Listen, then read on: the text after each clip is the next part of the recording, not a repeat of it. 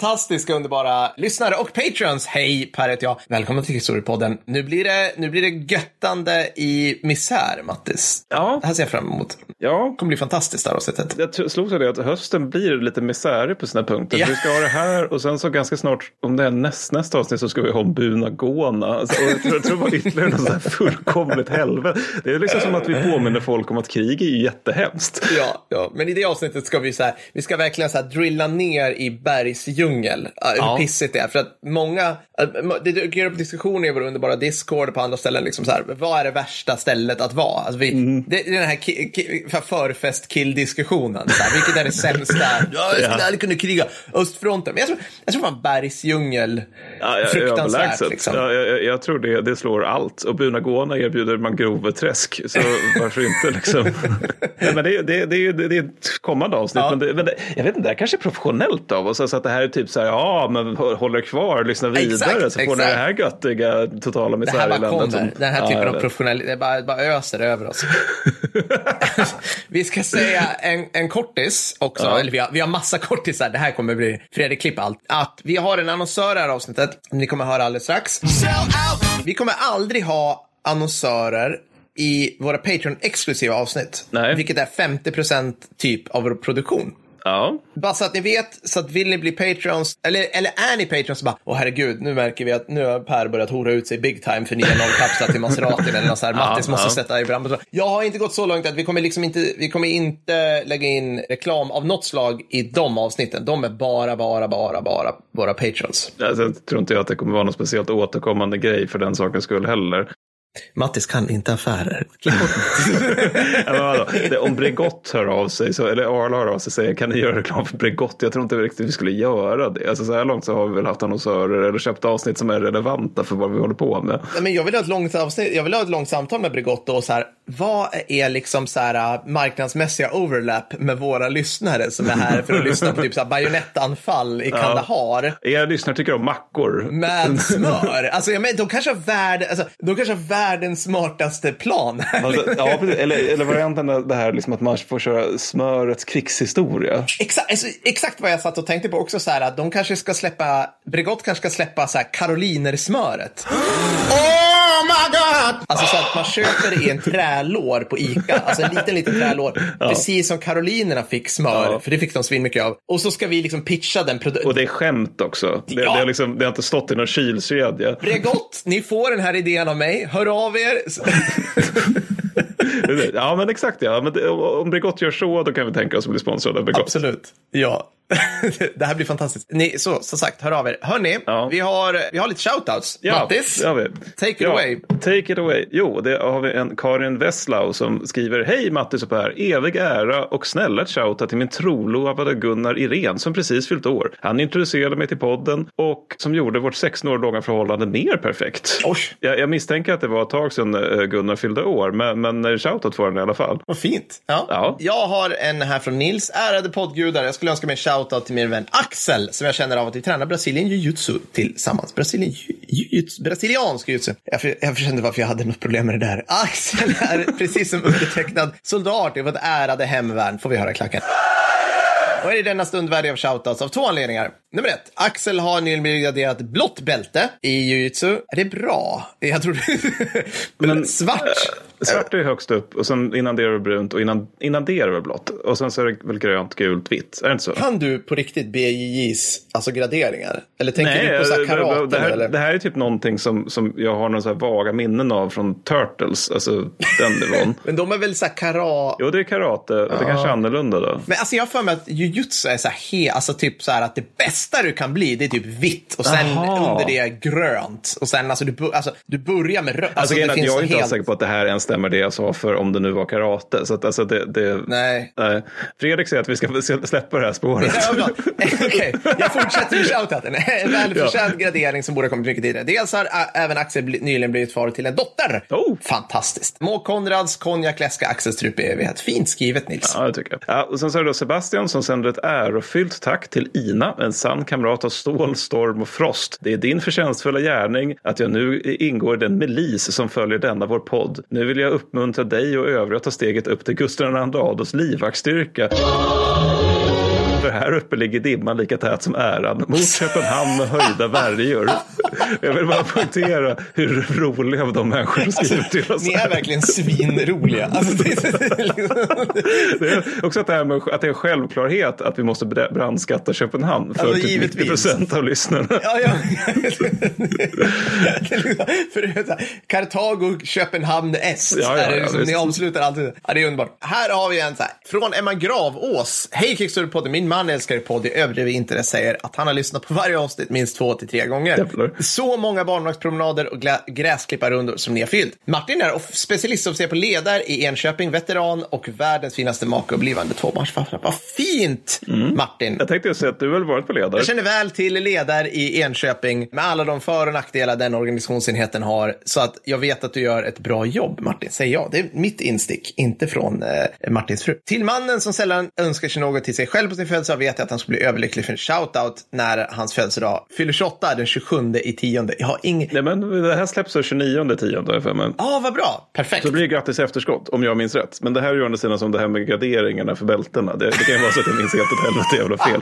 Jag låter ofta som att jag har ett bra minne, men jag har ett jävligt dåligt minne. Du har ett fant- Nej men du, du är så här som alltid när liksom någon frågar så här, Mattis, vilket, alltså så här, så här, vi har vi inte pratat om det här och du bara, avsnitt 32 och man bara, ja, han vet. Så här, så Ja, att- fast det är det att jag säger det med pondus. Det betyder Ja. inte att jag har rätt. Det, det, Nej, är det ja. när du lärde er på lärarutbildningen? Ja, Eller att så här, precis. säga Lär, lär, ja, det- jag höll på att säga något. Ja, skitsamma, jag ska inte säga Skitsamma. det. Nej, precis. Frå- så att, för att avsluta den shoutouten. Det här är alltså Emma Gravås som vill hälsa då till sin man Ja, Martin. det tror jag eh. Antar jag Gravås. Har jag redan sagt det? Ja, det här är det mest förvirrade jag Det någonsin här hört. Fredrik får verkligen klippa ihop allt Ja, det ja, här. absolut. Fredrik nickar och suckar. Men okej. Men, Vi är klara med, och med det, med det sagt så är vi klara med våra shoutouts. Vi har en annonsör det här avsnittet. Det här tycker vi är jättekul, eller hur Mattis? ja, ja, det är jätteroligt. Det är nämligen på den Skärpt läge. Väldigt trevlig podd som gästas bland annat av min vän Miguel Guerrero. Han vet verkligen hur en slipsten ska dras och kan det här med kris och krig. För vi överlappar varandra lite grann i Afghanistan. Sen kan jag rekommendera första avsnittet för jag gillar verkligen den här diskussionen om försvarsvilja mellan bland annat komikern Mikael Tornving och en annan kvinna som var någon form av pacifist. Jag tyckte det var bra. Det där är ju någonting man lätt glömmer. Det är att han är ju officer. Ja, eller han har varit ja, det i varje fall. exakt. Och han är ju trots det, eller på grund av det, väldigt rolig. Ja, men precis. Podden finns där poddar finns. Helt enkelt. Vi tar och lyssnar på deras mäktiga trailer. Är du säker på att du vet vad du skulle göra om det blev krig i Sverige? Skärpt läge är en podd från Länsstyrelserna. I Skärpt läge får du råd och tips på hur du kan stärka din hemberedskap. Du får också panelsamtal med några av Sveriges viktigaste personer inom ämnet som ger perspektiv på hur det civila försvaret bäst ska rustas upp. Är du säker på att du är redo? Lyssna. Skärpt läge finns där poddar finns. Vi hörs. Vad ska vi prata om idag Per? Oh, vi ska prata om... Det här är något alltså, som har kokat ihop under lång tid. Vi ska nämligen prata om att det suger att vara knäckt. Men vi, vi gör också, alltså, för när vi började prata om det här Mattis så var jag så här, jag, jag vill ju så här tagga igång och prata om hur ont jag hade när jag gick runt med kroppsskydd i Affe typ. Och du bara, "Nä, vi smalar av det här lite grann. Så vi använder knäckt på riktigt när folk hette knäktar. Alltså vi kör Stormaktstiden. typ 1600-talet, Ja, visst. antar jag. Visst. Och Stora Nordiska också. Då. Såklart, såklart. Så det är väl det vi ska prata om. För att vi har ju, ja, vi har pratat om, det, det, blir, det blir lite pang i det här. Men vi, för säkerhets skull lägger vi in en Caroline Kanon. Där, för att vi ska prata mycket om det, det lilla mummiga runt. Ja, hur, men liksom bara hur tråkigt och jobbigt och hemskt det Ja. var att vara svensk knäckt till vardags. Liksom. ja, jag tror nästan det. Jag, jag tror, om inte jag gör helt fel nu så ko- kommer liksom programbeskrivningen, eller avsnittsnamnet helt enkelt vara att det sög att vara knäckt. Ja. Det gjorde det verkligen. Ja. Men och jag tänker också att det kanske kan vara lite, jag, jag vet inte, alltså, jag menar, hur brukar vi skildra stormaktstiden?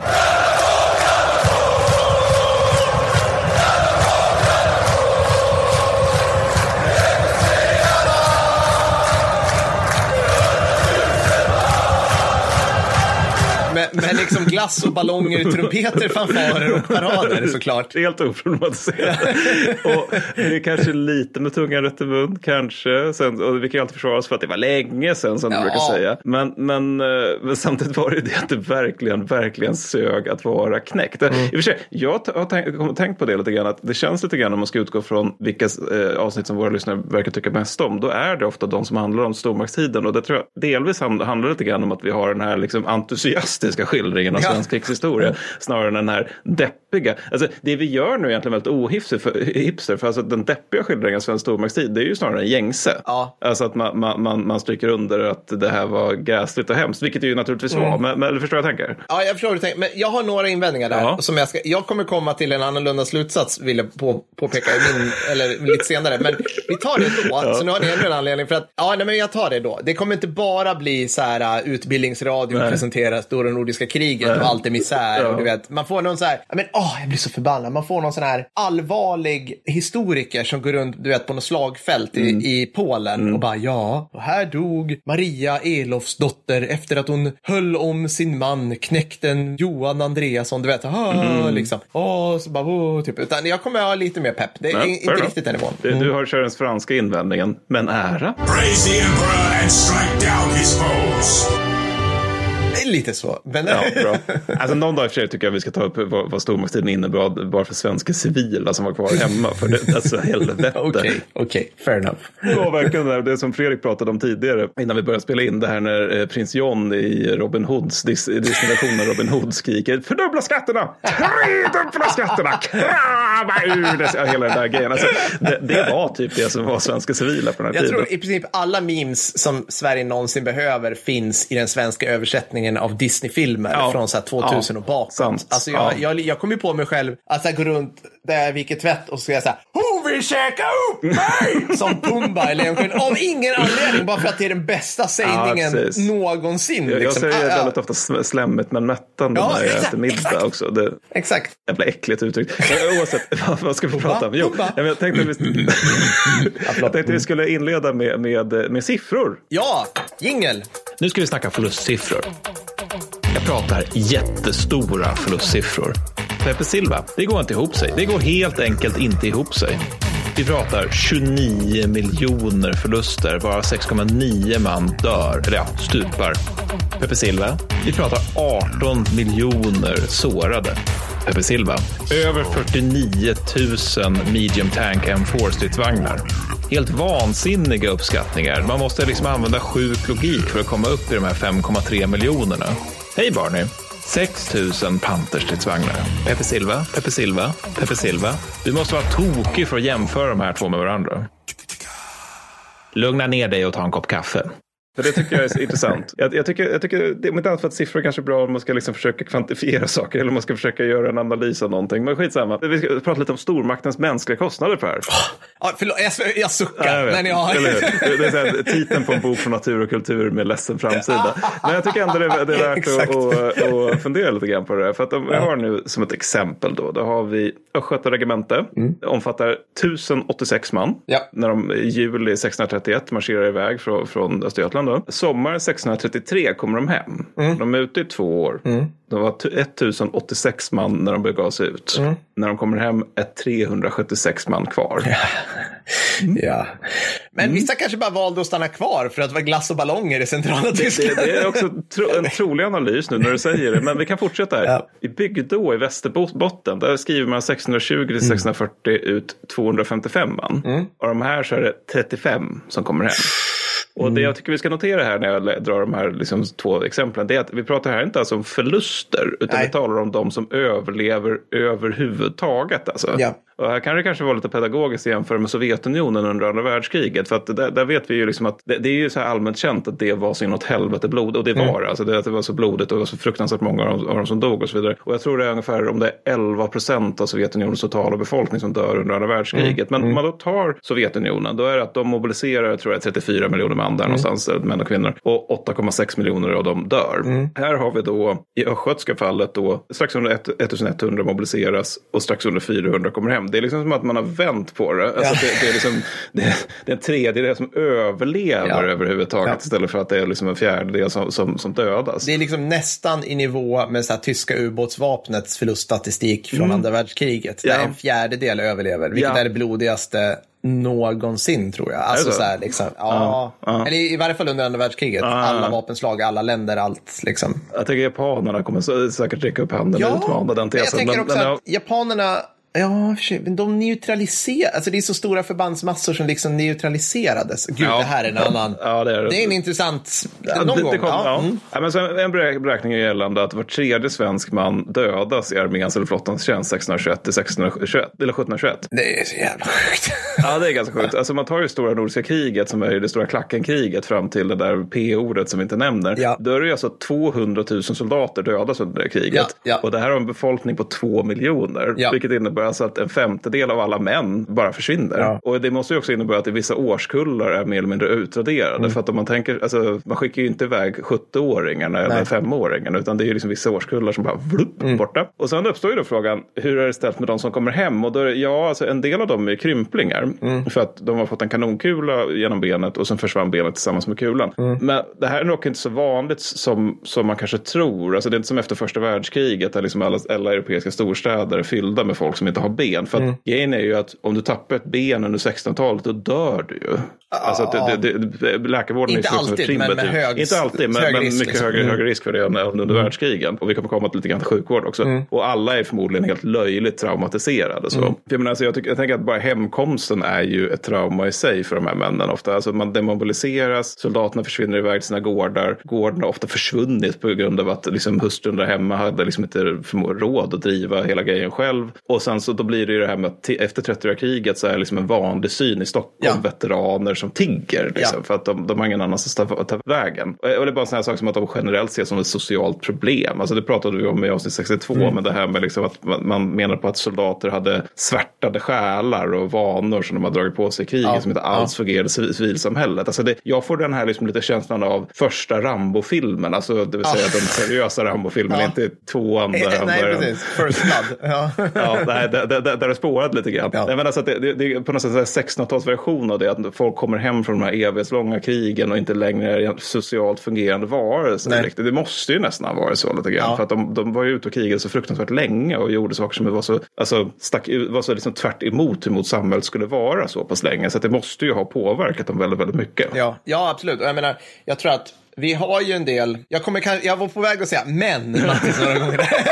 men för att rationalisera det här lidandet. Nej, men det, det, det finns inget men. men. Men vi har ju ändå, nu blev det men ändå. Vi har tre kungar på rad nästan, förutom eh, Kalle 10 Mm. skulle jag vilja säga, som ändå hade viss insikt i det här. För det här tycker jag är en rätt häftig del av liksom, soldatens lott. Mm. Min, min teori är att kungarna, alltså G2, Kalle 11 och Kalle Dussin, Mm. de bara, okej, nu har vi skrivit ut så jävla mycket man. Vi har inte så många fler soldater för att vi är ett litet, extremt fattigt, glest befolkat land i norra Europa. Mm. Okej, och d- jag börjar inte, i, i G2s fall så bara, jag har inte råd med fler tyska legoknektar plus att de suger. Ja. Liksom. Vi kanske behöver ta hand om våra soldater. Mm. Eller vi behöver liksom ta hand om, det behöver struktureras upp vårt samhälle och egentligen där någonstans, som vi har pratat om i tidigare avsnitt, börjar liksom svenska statsförvaltningen rulla igång att så här, skydda hemmapla- alltså sky, skydda, vad ska man säga, tillverkningen av nya soldater och liksom styra upp hela samhället så man har koll. För att jag upplever också liksom att så här, det här det är väldigt svepande, jag kan gå in på detalj sen, men generellt så tas soldater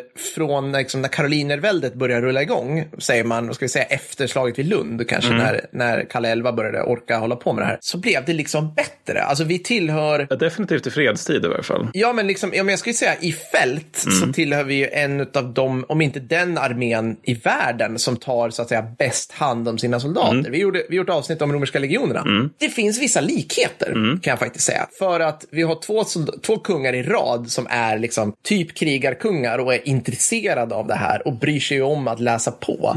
Liksom. Så att du har ju, så här, vi vet att det var pissig sju, vi- så här, vi, det var inte kul att komma hem, Nej. men du hade ju också, jag skulle vilja påstå att man hade liksom ett, semibra socialt skyddsnät kopplat till att du fick pensioner. Alltså så här, i, jämför, okay, i jämförelse mot Ryssland eller liksom, fan vet jag, Spanien. Alltså jag menar, Ja. liksom. Vi, Ja, men det är fördel att vi har en extremt stark stat som också är intresserad av att knäktarna ska kunna kriga igen. Det är Ja. klart en fördel. Det, det finns ju, jag får mig att det är Vadstena man faktiskt har någon form av veteranboende för, för, för soldater som har blivit helt sprängda av krigen Ja. men fortfarande lever. Ja, det, det, det får mig att det är det första i Sverige åtminstone, alltså att man har någon form av sånt där vårdnadsanstalt för. Och det här är under 30 kriget redan, Ja. eller strax efter 30 kriget. Men, för jag, jag, kan, för jag kan börja från början. Mm. Eller inte börja från början, men vi har ju 30-åriga krig. Alltså så här, vi vet, det du pratar om 30-åriga kriget, där är liksom, vi skrapar ihop folk genom värvning Ja. i, i princip. Vi går ut och samlar ihop bönder. Ja. Sen börjar yngre och äldre i indelningsverket komma och då händer det lite, då blir det roligt för då finns saker nerskrivna på ett annat sätt. Ja. Får jag bara ta det här så här, vem blev, alltså så här, om vi börjar med det då, det sög var knäckt, vem blev knäckt? Mm. Okej,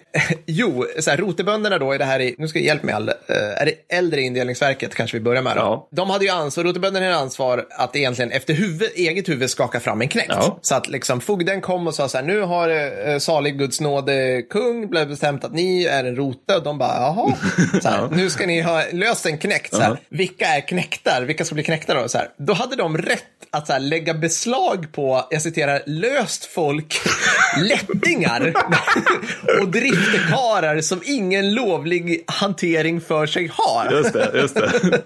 Vilket gör att lätting är från och med nu min nya favoritförolämpning Ja, för alla ja. människor som är lite odugliga. Då ska jag säga lätting. Det, det, är, det, är också den här, på, på den här tiden liksom där så här, arbetslöshet är bara en konsekvens av lättja. Det, Ja, det finns liksom ingen, annan- inget annat skäl till varför man inte skulle kunna försörja sig. men, men jag ser framför mig liksom någon form av så här, alltså jag ser framför mig liksom en, en Astrid Lindgrens films B-roll, du Ja. vet, där det går runt folk så här. Och så, åh, här är, här är vagabonden Oscar. Så här, kommer tre bönder och bara, du har ingen vettig hantering för dig har. Och han bara, eh, jag är på väg, nej, nej, nej, så här, kom här. Och så bara, ah. Du tänker liksom Grimdark-versionen av Rasmus på luffen. I Eksjöstad på Ränneslätt Där går en äkta rapolkett Och likaså på Hultsfredsslätt Där dansar var eviga fläckandet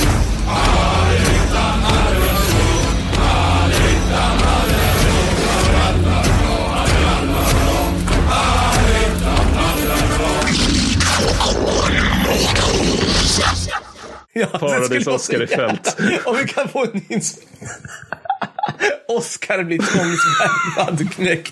För, nej men liksom så de på riktigt, de bara så här, du, alltså jag antar att de bara tog tag i en envarsgrep, någon, någon lösdrivare, tog med honom till någon form av mönstring, för det var ju så det skedde också. Alltså, du kunde inte bara, någon måste liksom sign off att du har hittat en bra löskekar att så här, slänga in i hären. Så att, ja, så Västgöta regemente då, här har vi hittat den här snubben, går med honom till löjtnanten eller kaptensbostället. Kaptenen bara, du vet, mäter och allting och do- donar. Är du rak i ryggen och inte plattfot och allt det här. Och så bara check. Och så bara okej, nu är du knäckt.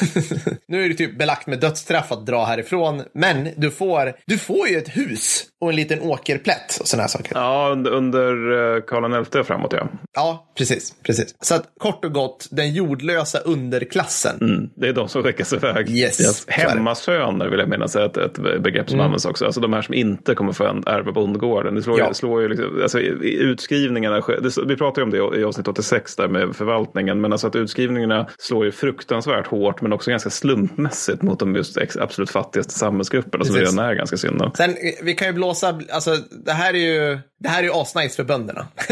så kan vi säga. Ja. Det, ja, men det finns ju en viss planeringsbarhet av det här. Ja, mot det efter. Karl Det XI det säga. framåt. Men när det är Ja. Karl- G2 och Karl X, då är det ju mer det här liksom att det är mer godtyckligt vem Ja. som blir liksom den rotebonden som ska skickas iväg. Så. Med- Medan i Karl XI och Karl XII system, då finns det ju det här med att man kan förutsäga att ja, ja, du där borta, du Ja. Oskar, kommer åka om det blir krig. Medan Ja. innan så är det att vi kan inte planera jordbruket för att när som helst så kan kungen få lite feeling Ja. så måste Polen brinna. Blood! Blood! Blood! Och det någon av oss ska åka iväg då. Ja, G2 stupade ju rätt tidigt, så där kanske de kommer... Nej, jag vet. Ja, men, men ja, du har rätt. Eh, I praktiken har du rätt. Jag tycker det är intressant. Sen skulle jag vilja säga liksom att Kalle 10 skulle kunnat, tycker jag, se det här lite tidigare. Han är lite överskattad, tycker jag. Alltså jag vet, han är ju bara en jävla tok. Ja. Alltså just det här med att han, han, typ hela hans regeringstid är i krig. Ja. Att det bara, jag blir kung, nu jävlar, nu kör vi Polen. Ja, alltså, och sen så när slutar kriget? Ja, när han dör av typ förkylning eller skrumplever. Ja, men lite så. Fo- Folk har sagt här, kan inte göra polska kriget? Nej, Karl X. Jag är lite så här, Ja, ja. men det tycker jag vi ska göra i och för sig. Men, men, det, men ska vi prata lite om marschen, apropå det här med eviga Ja, ja, soldatförhållanden som, som stuger. Okej, så nu har man, bara så att vi följer knektens liv. Nu har vi då, nu har han blivit värvad och nu ska han marschera någonstans. Är det det som du kommer in Mm. Ja, på eller jag tänker så här, liksom att om man tänker sig att vi har 1637, vi inleder, då, då inleder Johan Baner en reträtt från Leipzig till tyska nordkusten. Mellan Leipzig och Stralsund så är det 376 kilometer. Det Ja. tar över tre dygn att gå dit idag. Ja. Och det här är ju inte idag, utan 1637 så är ju de vä- vägarna ofta så pass usla att de for, bästa fortfarande är de romerska. Ja. Och då sker ju också den här marschen under strid. Alltså att det beskrivs liksom hur Jo- Johan Baner hela tiden skär av, liksom, han hela tiden slänger iväg ett arriärgarde som bara så här, ni ska dö nu så att vi andra kan marschera vidare. Ja. Så gör man det över tid hela Ja. vägen upp till, till nordkusten. Och det sker också liksom, med en armé där alla lider av bajsvattensjukdomar och svält. Ja. Och det ska man då gå 376 kilometer. Lex avsnitt bajsvattensjukdomar. Avsnitt 70. Ja, tack, Precis. tack. Nej, men då, det här är ju nu bara en marsch. Alltså det som, de som överlever, de marscherar ju sen ytterligare hundratals kilometer fram och tillbaka genom Ja. ett Tyskland som de successivt äter upp och bränner. Ja. Och jag menar, sånt här kan jag tycka är bra att reflektera över. För att när man, det, det, det är ofta så när man läser militärhistoria att man har de här fina kartorna där man ser en pil som gör någonting. Och det, det blir ju väldigt liksom abstraherat och väldigt kliniskt när man ser en pil. Mm. Men den här pilen består ju av en massa människor. Och om man då tänker sig den här långa, långa marschen som, de, är- som är 30-åriga för väldigt många svenska knektar. Fatta träningsverken. Ja. Ja. Al- Alltså, Slitaget på ligament, Ja. leder, diskar. För, för det, här, det här är jätteintressant. För att jag är ju inne så här, det, det jag kollar lite på en, i det här avsnittet, det är ju liksom mera Karolinerna. Men G2A, Ja. under liksom, första älvorna, då, då är man ju i slutet på vad de skulle kunna kalla den mysiga pike and shot-perioden. Det Ja. vill säga att eldhandvapen är liksom det är inte riktigt den här, alltså de har inte riktigt blivit totalt dominerande, Nej. utan folk går runt med liksom så här, en jävla hillebard och en musköt. Mm, Eller förstår ni vad jag menar? Och alltså så här, rustning och grej. Alltså det, det är liksom det sämsta av två världar. Så du har liksom, du har alltså hjullåsmusköter eller vad de kan Ja. heta, som är trästockar Ja. liksom som du bär. Och så har du ett svärd Ja. och ett harnesk. Så att det är liksom, det är så jäkla rövigt. Alltså så här, måste jag ha det här och det? Kan vi inte bara, kan vi inte bara vänta tills teknologin har blivit så pass bra att vi har flintlåsmusköter? Nej, säger alla. liksom. men det går också att tänka sig att om du är pikinerer liksom, och bär de där fem meter långa pikarna liksom, Ja, ja. och du har ett harnesk och din hjälm. Det går ju att tänka sig att det här harnesket inte är standardiserat så att det ska liksom följa kroppen perfekt och sådär. Att det inte skaver under marsch och liknande med så här jobbiga stålbitar och liknande. För att alltså, om man bara jämför det här med en fältvecka. Hur mår man efter två veckors fältvecka? Jag minns det från värnplikten när jag i betydligt bättre form som att jag mådde för jävligt Ja. efter, efter Ja. två veckors Du fältvecka. bar Det- förmodligen, i och för sig, du var ju din 97, men man kan tänka sig att du ba, alltså trots allt bar kanske lite mindre. Ja. Och du bar kanske lite bättre fördelat på kroppen. Det här Det är gjorde jag mycket if. definitivt. Det, det, det Ja. sistnämnda i varje fall. Ja. För att, alltså, ja, precis. Ja, men också, och det, det är klart, de är ju kvarter ibland när det är vinter och så. Men när det är fighting season, då går de hela tiden. Alltså, det är, återigen, vad gör det här med knäna? Ja, ja. Eller för den delen, fatta skoskavet. Alltså, vilka skor? Eller vad, vad menar Nej, du? men så här, alltså, Carolina-armén de har ju liksom ej fodrade läderskor med en mocka utåt. Ja, Då. Men det här är ju åtminstone standardiserat liksom, för att det är lite mer uppstyrt under Kar- Carolina-tiden. Men 30-krigets soldater de har ju naturligtvis mycket, mycket sämre. För de, där har ju officerarna stövlar av olika typer, liksom, alltså höga saker av läder. Men fattiga, meniga bondeknektar de får ju hålla till godo med sina bondskor eller det de lyckas stjäla på vägen. Och det innebär ju att de ibland har träskor på sig. Alltså de marscherar hundratals kilometer i träskor. Ofta är det träsula, ibland är det en slags läderpåsar också som jag inte hittar något bra svenskt ord för. Men alltså Okej. att man har typ en påse av läder som man liksom bara snörar runt foten och så får ja. man gå tills den vittrar bort. Och ibland är det naturligtvis barfota. Det, det är liksom alltså, det är en så här återkommande beskrivning av 30-kriget när det går lite, för svenska armén har ju typ så här fem eller sex olika tillfällen där det är så här, vi är, vi är liksom så här, alltså ett hårsmån, en hårsmån från total kollaps. Ja, alltså ja. att det liksom, vi kommer inte kunna fortsätta kriget nu. Nej. Och sen så lyckas vi rädda upp det här med, via liksom flax och skicklighet. Och, och det är vanligt under just de där total kollapsstadierna det är just beskrivningen av knektarna går barfota. Ja, alltså det är ju inte trevligt att gå barfota på dåliga vägar hundratals kilometer. Det, det, Det, det finns ju det finns ju i modern tid, finns ju säkert exempel, men det är också så här ett, ett, ett truppartricks, liksom, om du ska få, du har tagit krigsfångar som du inte vill ska, ska rymma, men du har inte möjlighet liksom, att, eh, att bevaka dem. Ta ifrån dem kängorna. Liksom. Just det. Gör dem barfota. För att, liksom, och bara, det spelar ingen roll, vanlig svensk skog. Ja, försök. Mm. Om du har ovana fötter, försök gå någon distans utomhus barfota. Mm. Ja, Lycka till. Visst.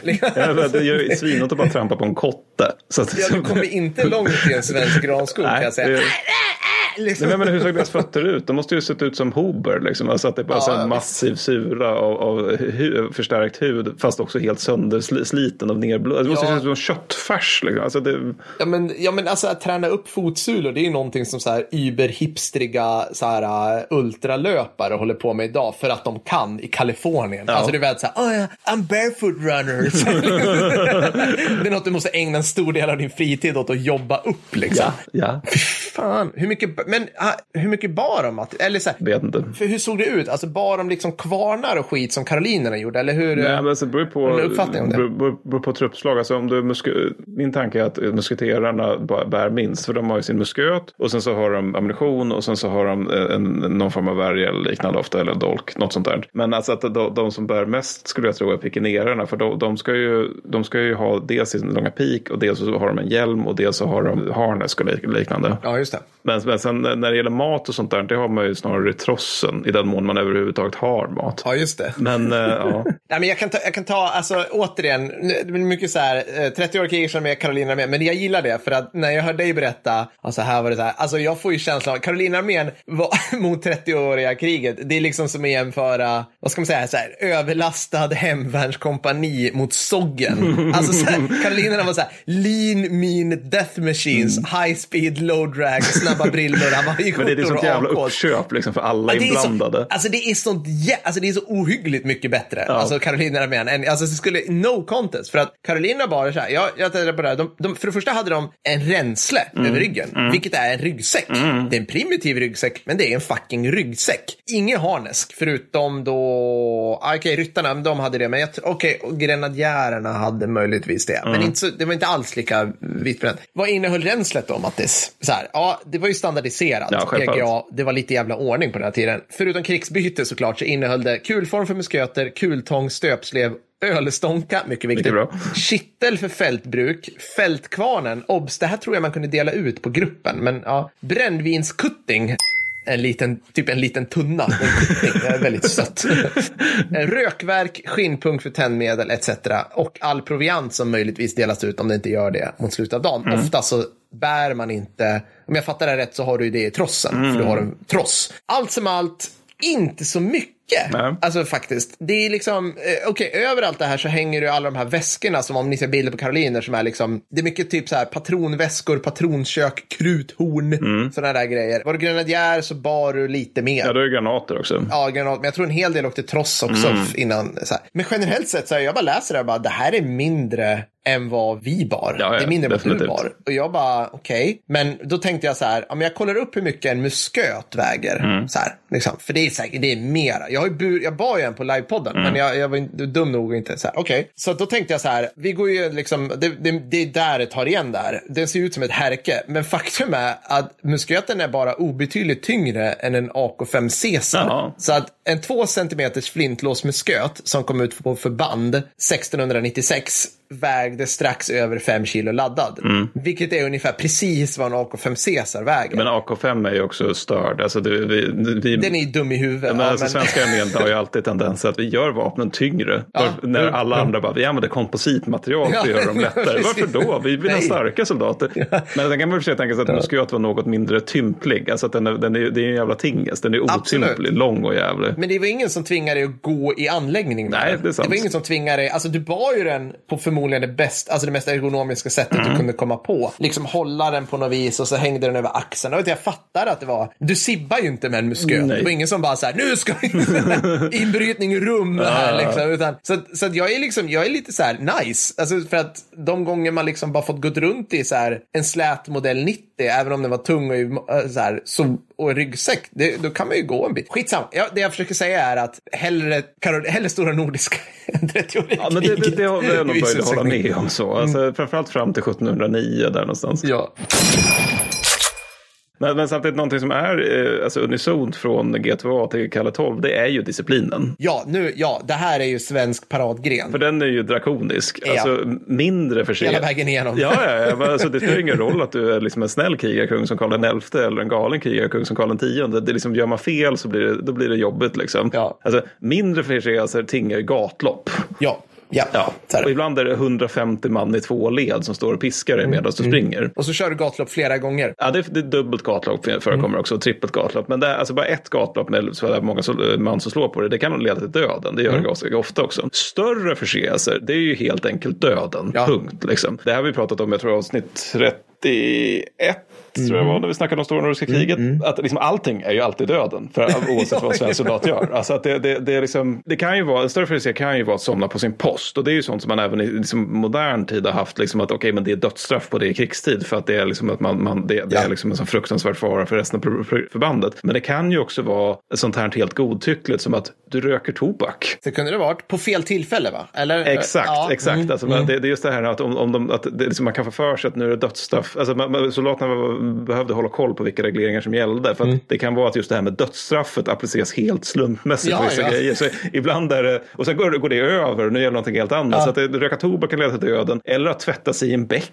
Just det. Just det. Mm. För, man skulle förebygga sjukdomar så då skulle man inte tvätta sig i bäckar eftersom miasmorna från bäckarna kunde leda till saker. Jävla då. rätt.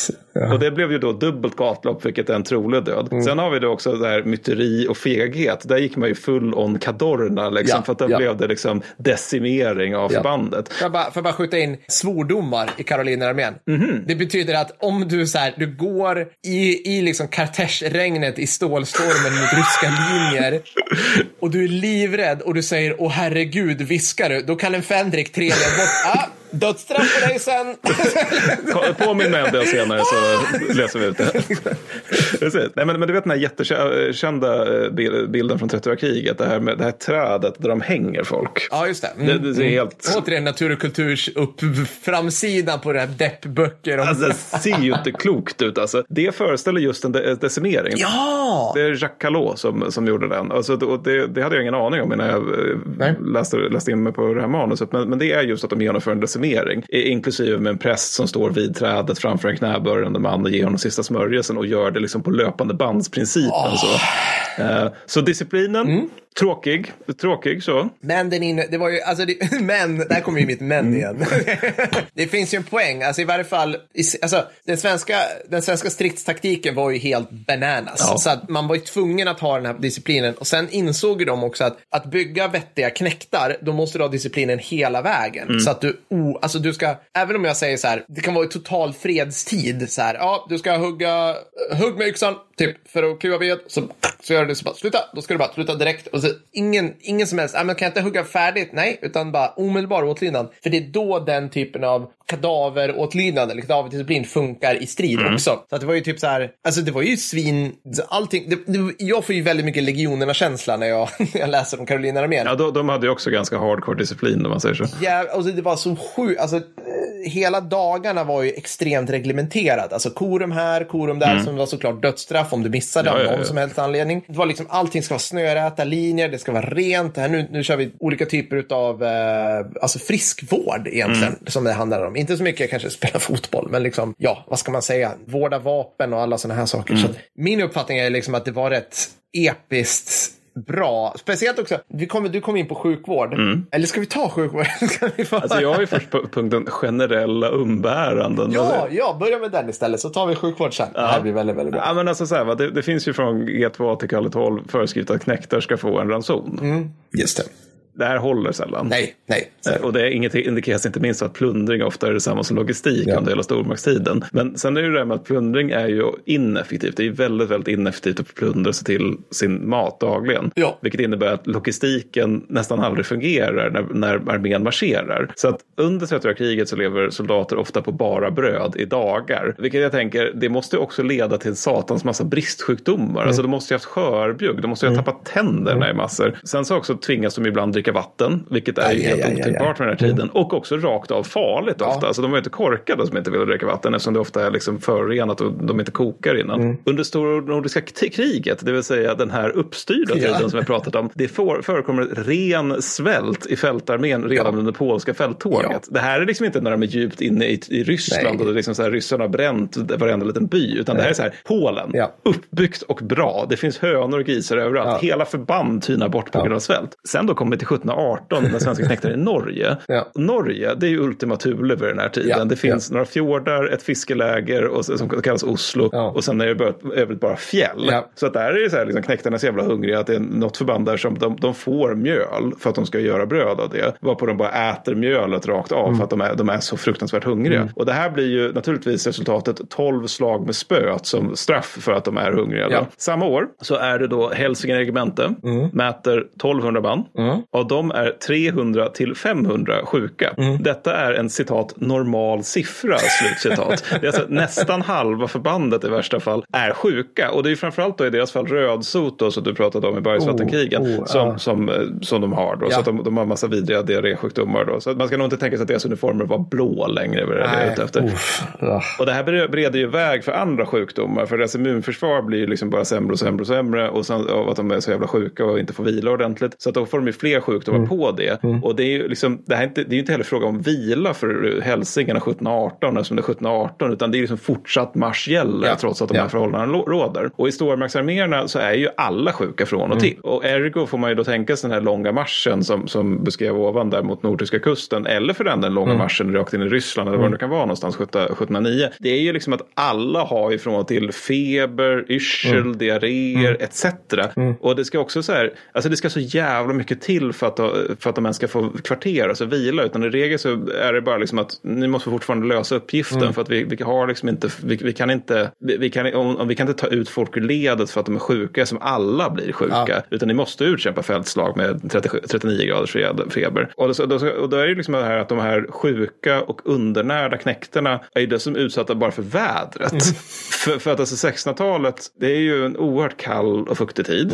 Alltså så pass kall att det är något år där i mitten av 1600-talet där Bosporen fryser till. Ja, det var ju, det var ju lilla istiden under Ja, men- 1600-talet. Vet var, det finns teorier varför den kom, att den också kan ha, att människan kan ha påverkat den. Asså? Att det inte bara var, ja, för nu ska vi se. Att mongolerna förstörde, det här är alltså något jag läste på kåren. mongolerna förstörde så mycket betesmark och så mycket jordbruk. Framförallt betesmark. Alltså de, de hade ihjäl så jäkla mycket tamboskap i sina skövlingar. Att utsläppet av metangaser störtdök så mycket att växthuseffekten minskade, vilket påverkade då klimatet 100 år senare eller 200 år senare. Ja, det är tre, 400 sedan. Ja, det, låter lite långt. Men, ja, men i alla fall, alltså, om vi tänker så här. Jag gillade det ändå som lite Ja, förklaring. men jag, det, man kan alltid hänga upp allt som förklaring, till, förklaring på mongoler. Men återigen, om du tänker Bosporen fryser till. Ja, ja. Vart okej. ligger har vi Bosporen? Jo, utanför Istanbul. Det är liksom i Medelhavet Ja, och det fryser till. Ja. Då, då är någonting för, jobbigt så. Det är med andra ord 1600-talet är kallt och fuktigt. Och knäktarna har ju rätt få ombyten med sig. Mm. Så ofta får ju liksom uniformerna helt enkelt torka medan man går i dem. Och det här är ju inte heller... Och de är ju Mm, Det har jag också varit inte- med om i och för sig. Så att det... Ja, fair enough, fair enough. Eh, men, men det var nog kanske under fältvecka snarare än under, Ja, under 30-åriga kriget. Men, nej, men, alltså, och, de, och de är, uniformerna är inte heller lämpliga för vinterförhållanden. Så Nej, att det är ju nej, det här med, men det, det känner vi alla till. Tusentals karoliner fryser ihjäl under Karl XIIs ryska fälttåg. Ja. Eftersom de utsätts för vintern 1708-1709. Som Mm. också kallas för citat stora frosten. och jag tänker så här att om man kallar någonting Ja. stora frosten under Ja. 1600-talet. Ja. Då på spåren och bält fryser till. ja, ja. Då är det kallt. Ja, ja. Då är det väldigt jävla kallt. Åh, åh, herregud. Ja, men verkligen. Och då har vi inte ens nämnt Armfeldts kaloriner, Mm. vilket är väl liksom det mest kända pisseriet som finns också. Där var bara så här, vi går över norska fjäll. Det är kort också. Det här är det som är pissigt. I, idag, här, jag ska inte säga att det är en dagsmarsch, men det är fan inte långt om man kollar på kartan. Nej, nej, det är det inte. Och du kommer liksom, alltså det, ja, ja, det, det maximal misär på alla sätt och vis. Det där. Men jag har för mig att de inte heller gick så där jättelänge. Alltså det, det är inte så att de är ute i månader när de ska korsa Nej. färdet ute i fjället. Utan det är väl några dagar. Och sen så helt plötsligt Det är finns- några dagar. För Alltså, det är typ men- två nätter. Eller, alltså, det, är, det, är inte, ja, men det är inte lång tid. Nu har, där borde jag ha skrivit upp. Men, liksom, det kändes så ohipstrigt att lära sig Armfältsmarschen. Ja, men det, det, också, det, det finns helt sjuka skildringar där, där någon officer som bara säger åt skyttet att liksom knäpp upp liksom lite grann nu, för nu kör vi. Vi är riktiga män som ska, Ja. som ska fjäll, fjället. Alltså det, det, Ja. Mm. det är en galen grej. Men, men det här leder ju då in på, på det här med sjukvård och jag har Ja. en del om det. Men jag tänkte att det, det kanske är din tur. då. eller trollololl här eller någonting. För det här är, Ja. nu, nu blir det roligt. Nej, jag vet inte fan. Jag tycker det suger ganska hårt. nu blir det improviserat, så ska jag säga. Ja. Nu blir clownbils hittepån. Nej, men om man nu tänker sig återigen Karolinerarmén här, alltså den uppstyrda delen av svenska stormaktsväldet. Då har varje regemente en fältskär och tre gesäller. På ett regemente på omkring 1200 man. Ja. Den förstnämnde, regel barberare eller, barberare eller läkare det civila. De sistnämnda får gärna ha erfarenhet som slakteribiträden. Ja. Säger allt. Mm. Det är eventuellt indikativt så. Och det här är då som sagt vad som finns för cirka 1200 man, vilket innebär att är det slag då är det ju alla överbelastade med en gång. Liksom. Vanligt är att de bara går över till någon som ligger skadad och sen så sköljer de såret med kokande olja och syr ihop det. Eh, det här leder sen till följdeffekter eftersom ingen ser över det här ihopsydda. Och kunskap om medicin och sjukvård, det är bra, men det är citat var dock inte en nödvändighet för att man skulle bli fältskär eller, eller eh, gesäll. Då. Nej. Och exempel på med, med, vad medicinen innehöll är noshörningshorn, dagmask, grodrom, huggormskött, älgpenis, violsirap, granatäppelskal, bärnstensolja, delar av mumier, människor, djurkranier, krut och bly. Det Ja. finns även sånt som är verksamt, det vill säga honung. Men, men sen har man naturligtvis också universalläkemedlet och universalbedövningsmedlet, det vill säga brännvin och öl. Och man behöver det här för ett väldigt vanligt kirurgiskt instrument är sågen. Och det finns också i, så, i fall där man känner att det här är lite bråttom. Så att ett förfarande är ibland då att man tar en yxa och sen så yxar man av en lem som är skadad. Och sen stoppar man blö, blödningen med brännjärn. Ja. Mm. Låt det sjunka in, för det, det är tortyr, inte vård. Men, men man är ju samtidigt helt sjuk i huvudet, så man inser ju att det här gör jätteont. Så ergo föredrar man ofta att liksom såga av och sen sy ihop. För att då sågar man ju, så att det, det gör ju inte, det gör ju inte lika ont. Jag skulle vilja ha yxan ändå. Alltså en stor jävla bila. Ja, Stor skarp, alltså så det går fort. ja, Det här sågandet, bara känn, alltså. ja. Ja. Ja, just det där när benet man hör det där. Det är nog inte skönt. Då vill man nog ha väldigt mycket brännvin. Fanns för övrigt opium också. Ja, just det. Mm. Men högst oklart hur, hur utbrett det var. Men där, då kan man ju bli helt, då kan man ju bli, få bli lite bäng i varje fall. I bästa fall. Ja, men det måste ju vara ett tri- trist tillfälle när, när det är liksom, de befinner sig i logistiska svårigheter och någon fältskär säger tråkigt nog är brännvinet slut. Ja, ja, ja. Ja. ja.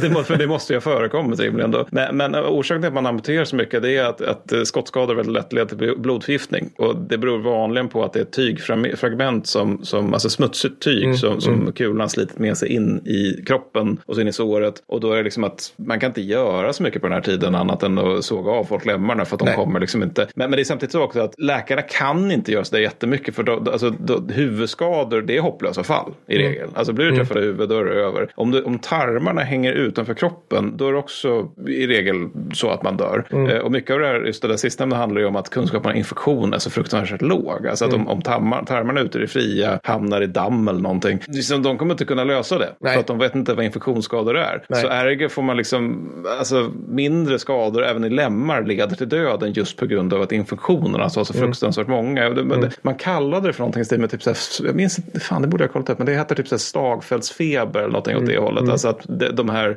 feberutbrotten som upp, utbryter bland de sårade efter ett fältslag Ja. och där, som de sedan dör av i fruktansvärt stor omfattning. Så liksom mitt tips till genomsnittlig svensk knäckt under den här tiden är bli för i helvete aldrig sårad. Nej, nej, precis. Precis. Och de gick ju också, fältskären gick ju också runt och gav liksom coup de grace till de mest så här, svårt sårade, vilket Jaha. kanske var schysst. Ja, Ja, det, det- hände det också. Mm. att man gjorde. Liksom. Jag antar att så här, vid så här, skallskador, koma, alltså jag vet inte. Det fanns väl någon form av tanke där. Mm. Ja, men nu, nu får du försöka peppa upp där. Ska jag peppa upp där? Ja, ja men okej. Men, säger jag till allt det här. Om du nu, alltså så här, å, återigen, vi kan, vi kan prata lite hemkomstarbete. Så här, för det kallade man när jag kom hem från Afghanistan. Så, här. så vilket hemkomstarbete fanns det från typ stora nordiska kriget? Om du väl kom hem, om du var en av de här fjärdedelen som kom hem till byn eller något sådär. Det fanns inget, noll och glöm det. Typ. det. Ja, exakt. Det enda jag kan tänka mig själva hemfärden var ju att hade du tur så kunde du ju kanske genomföra det med dina kamrater och prata igenom det på samma sätt som amerikanska veteraner som återvänder hem från andra världskriget åker båt tillsammans. Så att det inte är Vietnamsyndromet, att du får den här totala chocken av att åka, alltså omedelbart gå från liksom vietnamesiska bajsfällor i djungeln till äta glass i San Francisco. Alltså förstår du? Det är det enda jag kan komma på. Sen är det ju liksom också så här att det här får jag, alltså, nu, nu är det liksom lite så här folklivsforskar-Per som kommer med så här sköna känslor. Jag inbillar mig att man, man är ju, ingen person är ju liksom bortglömd i det svenska jordbrukssamhället anno Nej för modern tid. Alltså Nej. alla behövs på något vis, speciellt nu när så jäkla många dött. Så att man kom ju hem liksom till, en, till ett socialt, och alla bodde på, de 90 procent bodde ju på landsbygden, liksom. mer än 90 procent. Så att man kom ju hem till ett socialt sammanhang Ja. där någon liksom tittade dig i ögonen och bara, du är fucked up. Eller, eller, liksom, eller du, någon, någonting, någon såg dig. Så du har ju, du har ju inte den här äh, som liksom, alltså, typ dagens typ amerikanska veteraner som kan isolera sig i sitt hus, missbruka opioider och samla vapen. Du kan inte göra den typen av så crazy veteran mår svindåligt grej. Nej, precis. Det är typ det enda, det är typ Nej, men det det, det enda är också en fördel med att det är så många krig under 1600-talet för Sveriges del måste ju rimligen vara också att om du kommer hem 1648 då finns det några av gubbarna hemma i byn som upplevde tidigare fälttåg. Exakt, just det. A- Alltså att det, det, är en... Nej men alltså, det borde vi prata om någon gång, men i USA så fanns det, brukade man på 50-60-tal prata om, eh, om något som kallas för culture of serving inom medelklassen, eller fel, arbetarklassen. Som var att, att du, om, du- om du är arbetarklass, amerikan, då, då kommer du någon gång förr eller senare utkämpa ett krig. Ja, just det. Och det är inte liksom någonting som man beskriver som något med nödvändighet negativt utan snarare att det är liksom en plikt du har i egenskap av amerikanska arbetare. Liksom en viss stolthet inom arbetarklassen också. Att, så, ja. Och det måste ju varit liksom lite snarlikt. Och det gjorde också att det fanns ett socialt sammanhang hem, liksom hemma i gruvbyarna och timmerbyarna och sånt i USA. För att det fanns alltid några gubbar. Du kommer hem från Korea. Exakt. Ja, men okej, pappa har varit med i andra världskriget. Farfar var med i första världskriget. Och det måste ju varit lite snar- snarlikt även i Sverige under den här tiden. Ja. Du utkämpar skånska kriget. Ja, men pappa var med Karl X i Polen och farfar var med Gustav II Adolf i Polen. Alltså att det, det, det finns, det finns, det måste ju funnits en förståelse, i varje fall på lokal nivå, att de, de, de, de, alltså det finns folk man kan utbyta erfarenheter med på Ja. ett annat sätt än man kanske gör idag egentligen. Nej, men exakt så tänker jag också. Liksom, och, att, för det kan ju inte inte ha funnits det med tanke på hur många som blev drabbade. Alltså, Nej. alla måste ju bara förstå att du är en krigsveteran. Du kommer inte, alltså så här, även om de inte förstår vad du har gått igenom på riktigt, så, här, så kan de kanske förstå att du har gått igenom någonting. Alltså de kan acceptera det för det är så vanligt. Liksom. Hur som helst, karolinerna gick alltså som, som koncept, man gick ju på ett sätt under tillsammans med den svenska stormakten inom parentes. Fake news! För den svenska stormakten gick aldrig under. Men de var, ju tvungna, de var ju tvungna att ta sig svinlånga sträckor hem. Ibland, alltså fångenskap i typ Sibirien. Just det. Vi kan gråta krokodil, eller vi, vi kan gråta tårar över så här stackars, eh, liksom, du vet, tyskar som tar sig hem från Sibirien på andra världskriget och sådär. Det är långt. Ja, alltså svenskarna, det, alltså vi pratar ju om mansåldrar som de tog på. Alltså vi kan så här, sista karolinerfången, han återvände hem 1745. Och herrejävlar, ja. Mm. Då hade han gjort 50 års krigstjänst, varav 35 av Vad i dem i fångenskap. 35 år i fångenskap. Så han kom ju hem till liksom, han måste ju, hans, alltså jag bara, han, hans barn vet ju inte vem han är. Hans Nej. fru, alltså det är liksom Nej, men så vad, liksom, det här var mitt liv. Det blev det, så ja, här. exakt. Liksom, Han var väl gammal, han var ju gammal liksom, Ja. när han kom hem. Han var ju så helt otroligt. Så här, han fick ju då ta avsked från tjänsten. Han fick, så här, han fick lov att ta avsked från tjänsten. han var schysst. Mm. Var och schysst. fick ett litet underhåll de sista åren. han var- Kungen ger och kungen tar. Alltså, Åh gud, ja, men vadå? Okej, vad bra. Så säg att han skrevs ut när när han var 15. Då var han 65 när han kom Ja, hem. ja, och han exakt. var förmodligen äldre än 15. Så säger jag, okej, han, han är ju snarare då, Han är runt säga 70, 75. Då dör han ju om två år när han kommer hem. max liksom. Alltså, så här, många hade ju föga förvånande bestående med som du var inne av sin ryska, f- ryska fångenskap. Mm. Vilket, alltså ryska fångenskap, vilket ju i alla tider varit ett lite lysande exempel på mildhet och generositet. alltså ja, att gud, sitta ja. fånge i Mm, någon form av, ja, så att ni vet hur eh, ukrainarna har det idag, de som har blivit tagna också. Man hade även så, såklart den generella soldattjänsten, så att folk kunde komma hem med så här, som du var inne på, så här medeldåligt läkta sår. det vill säga Mm. Just helt fucked up läkta och vara huvudsvaga. Det är, det är liksom... Just det. Mm. det. Det är nog lite av en slasktrattsterm, tänker jag. Ja, precis. Och sen hade man ju då, som du var inne på, krigsmanshuset i Vadstena. Mm. Där, liksom, det var ju en, det var en samlande punkt för sargade veteraner. Så här, och du kunde få en plats där. Du liksom, jag antar att man sökte på något vis om du hade extremt tur. För det fanns typ så här 20 platser. Det. Men hade du det, då kunde du få bo där med din familj som så krigsinvalid eller krigsveteran. Annars Mm. kunde du hämta spannmål. Men det här blev ju, alltså, det fanns liksom ingen, vad ska man säga, det fanns ingen vettig verksamhet där. Det är väl klart inte gjorde. Det fanns ju många påbud om att det här skulle vara så här uh, sunt och hälsosamt leverne och du vet, det, det blev ju alltså, när huset lades ned, ändå 1783, då var alla som bodde där så här svårt alkoholiserade. Just det, För det ja. var det de gjorde, de söp. För Just att det. vi är svenskar innan Just det, 1900-talet. just det, just det. Och kanske har Typ. lite så behov av att supa också för att man har upplevt saker. Men, eh, men okej, lite ära då. Alltså jaha. Den sista Karolinen. För Ja, Mm. nu, nu är jag liksom inne på liksom, han, det var som jag har kommit fram till Per Kalling, bra namn, född 1700. Han var med vid Fredrikshalls fästning som nyutnämnd fänrik innan Mm. Kalle Dussin stupade och Karolinarmén som koncept. Jag gick i graven då. Steg till slut, efter mycket om och men, med bland annat i fransk tjänst får vi höra marseljäsen.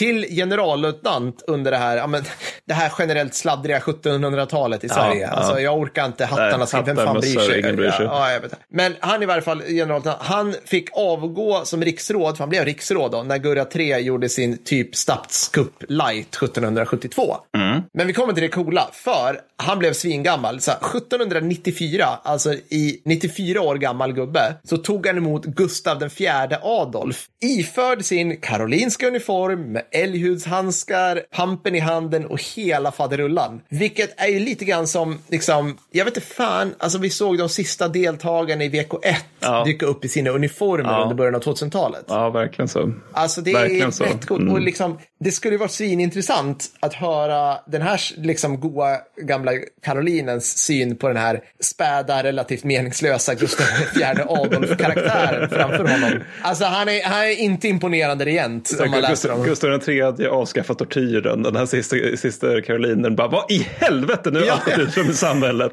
Det, Ja, det var liksom- hårdare förr. Ja, men han måste ju, han måste ju bara så här, när frihetstiden drog igång, bara där bara faktiskt shit, jag drar till Frankrike. Och sen bara, se- sen bara ser han så här Gustav IV Adolf som på bild är, li, är ett lik, alltså Kalle Dussin. Ja, lustigt nog. Men är totalt, alltså han är så här, han beskrivs som späd, meningslös och typ så här Ja. allmänt usel, typ. Så jag vet inte. Så att jag tror att det var inte världens nedköp när vi väl fick Bernadotte. Oj, oj, oj, oj, vad upphetsad det blir. Nej, nej, gud nej. Nej, nej absolut inte. Nej, men det, det går ju att tänka sig att den karln hörde kungligt el, envälde, låter lovande, kommer hem till Gustav III bara, jaha. men, men jag tänker inte låta dig gå ut på en high note. Nej, jag nej, tänker nej, nämligen avsluta inte. med Dra ner sista oss i skiten pepppunkt. igen. Ja, det är bra. Men för grejen är att jag tänker så här, man säger att det sög att vara knäckt så ska man nog tänka sig också att tänka på att det, det, det sög generellt att vara människa under 1600-talet Ja, under ja, stormaktstiden. ja, det är för det är alltså 1600-talet hör till ett av de absolut sämsta århundradena.